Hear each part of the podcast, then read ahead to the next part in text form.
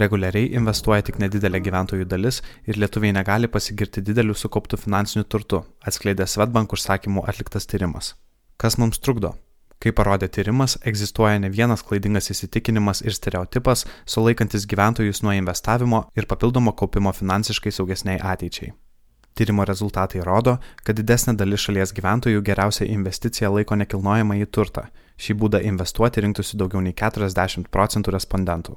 Antroje vietoje auksas ir taupomasis indėlis, kuriuos rinktųsi po 16 procentų gyventojų. Kiek mažiau šalies gyventojų investuotų trečios pakopos pensijų fonduose. Gyventojai prioritetą teikia nekilnojamajam turtui, nes greičiausiai remiasi savo patirtimi ir mato, kaip per pastaruosius kelias dešimtmečius šalyje, o ypač didmieščiuose pakilo nekilnojamojo turto kainos. Net ir šiuo metu ateities kainų prognozės taip pat yra teigiamos. Be to, būtas ar namas yra tai, ką jie gali pamatyti gyvai ir įvertinti. Vis dėlto žvelgiant istoriškai, nekilnojamasis turtas neužtikrina didesnės gražos nei akcijos. Nereikėtų pamiršti ir to, kad investicijas visada verta išskaidyti į kelias turto rūšis, nes taip sumažinama rizika, jei konkreti pasirinkta investicija nepasiteisintų. Didelė dalis šalies gyventojų linkia rinktis palyginti saugias taupimo ir investavimo priemonės. Remiantis tyrimo rezultatais, lietuviai yra pasirinkę terminuotą indėlį su draudimu susijusią investavimo priemonę ar nekilnojamą į turtą. Tuo metu lėšas į investicinius fondus, akcijas ar obligacijas yra nukreipę vos keli procentai šalies gyventojų. Panašią tendenciją vyraujančią tarp šalies gyventojų prieš keliarius metus atskleidė ir antrosios pakopos pensijų fondų analizė. Ji parodė, kad daugiau kaip pusė kaupiančių šiuose fonduose, atsižvelgiant į jų amžių, kaupia per daug konservatyviuose fonduose. 2019 metais įgyvendinus pensijų reformą, antroje pakopoje sukauptas šalies gyventojų turtas buvo perkeltas į gyvenimo ciklo fondus, kuriuose investicijos automatiškai formuojamos pagal kaupiančiojo amžių. Toks automatinis paskirstimas iš dalies lėmė, kad per praėjusius metus Lietuvoje veikiantys pensijų fondai EBPO sudarytame reitinge pasiekė geriausią gražą visame pasaulyje. Siekis apsaugoti valdomą finansinį turtą suprantamas, bet norint investuoti ir gauti gražos, reikalingas balansas tarp saugumo ir rizikos.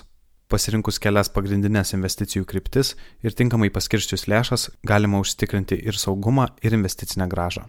Svetbank užsakymų atliktos apklausos metu 40 procentų gyventojų nurodė, kad COVID-19 virusas paskatino juos nukelti planus investuoti į ateitį.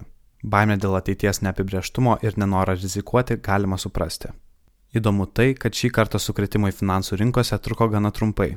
Praėjus vos keliams mėnesiams nuo pandemijos paskelbimo, rinkos sugrįžo į augimo kelią, o kai kuriuose vakarų šalių rinkose akcijų kainos jau yra aukštesnėme lygyje nei prieš pandemiją.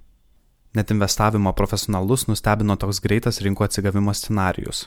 Tačiau tai rodo, kad nuspėti, kokį poveikį įvairūs veiksniai turės rinkoms ir vertybinių popierių kainoms, itin sudėtinga. Todėl tinkamo ar netinkamo meto investuoti nėra. Svarbiausia taisyklė - tiesiog pradėti investuoti ir tai daryti reguliariai. Kaip rodo istorija, rinkos ir akcijų kainos praktiškai visada atsigauna.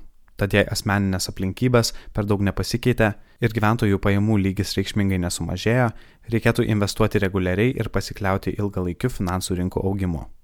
Didesnė dalis žmonių investuoti pirmiausia paskatintų teigiamą asmeninę patirtis. Tai įvardijo 54 procentai šalies gyventojų. Tačiau investuoja tik nedidelė dalis gyventojų, tad daugelis neturi galimybių įgyti teigiamos asmeninės patirties. Kita vertus, kartą pradėjus ir padarius kelis teisingus žingsnius, labai tikėtina, kad įgyta patirtis bus teigiama ir skatins toliau investuoti. Yra keli paprasti žingsniai, kuriuos atlikus bus galima įgyti teigiamos patirties. Pirmiausia, pradėti nuo nedidelių, bet reguliarių sumų. Apsispręskite, kiek per mėnesį galėsite skirti ir pasiryškite tokią sumą į investicijas nukreipti artimiausius keliarius metus. Kitas žingsnis - atsirinkti į ką investuoti. Šiandien rinkoje egzistuoja daug galimybių, todėl vien tai gali tapti tam tikrų išbandymų pradedančiajam.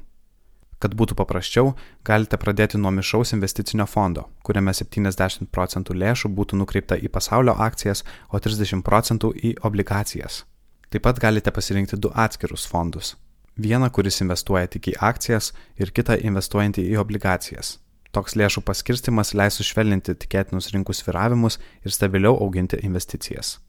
Dar vienas svarbus aspektas, į kurį turėtumėte atkreipti dėmesį - tai tarpininkų taikomi prekybos mokesčiai. Kai investuojamos nedidelės sumos, prekybos mokesčiai gali suvalgyti nemažą investicinės gražos dalį. Todėl rinkitės tuos tarpininkus ir tas priemonės, kur taikomi mokesčiai už pavedimo sandorius ir saugojimą sudaro iki 1 ar 2 procentų arba jų visai nėra. O atidžiau vertinkite tokius pasiūlymus, kai už pavedimo sandorius taikomas minimalus mokestis eurais, nes tai gali gerokai sumažinti būsimos investicinės gražos dydį. Įgyjus daugiau patirties ir tiesiogiai patyrus rinkų dinamiką, galėsite žengti toliau ir galvoti apie investavimą į konkrečių bendrovių akcijas, rinktis biržoje prekiaujamus fondus, kurie seka vieną ar kitą turto klasę, investuoti į nekilnojamojo turto fondus. Tikėtina, kad jei laikysitės reguliarumo ir savo investicijas paskirstysite per kelias skirtingas priemonės, ilgainiui galėsite džiaugtis teigiamą asmeninę patirtimį.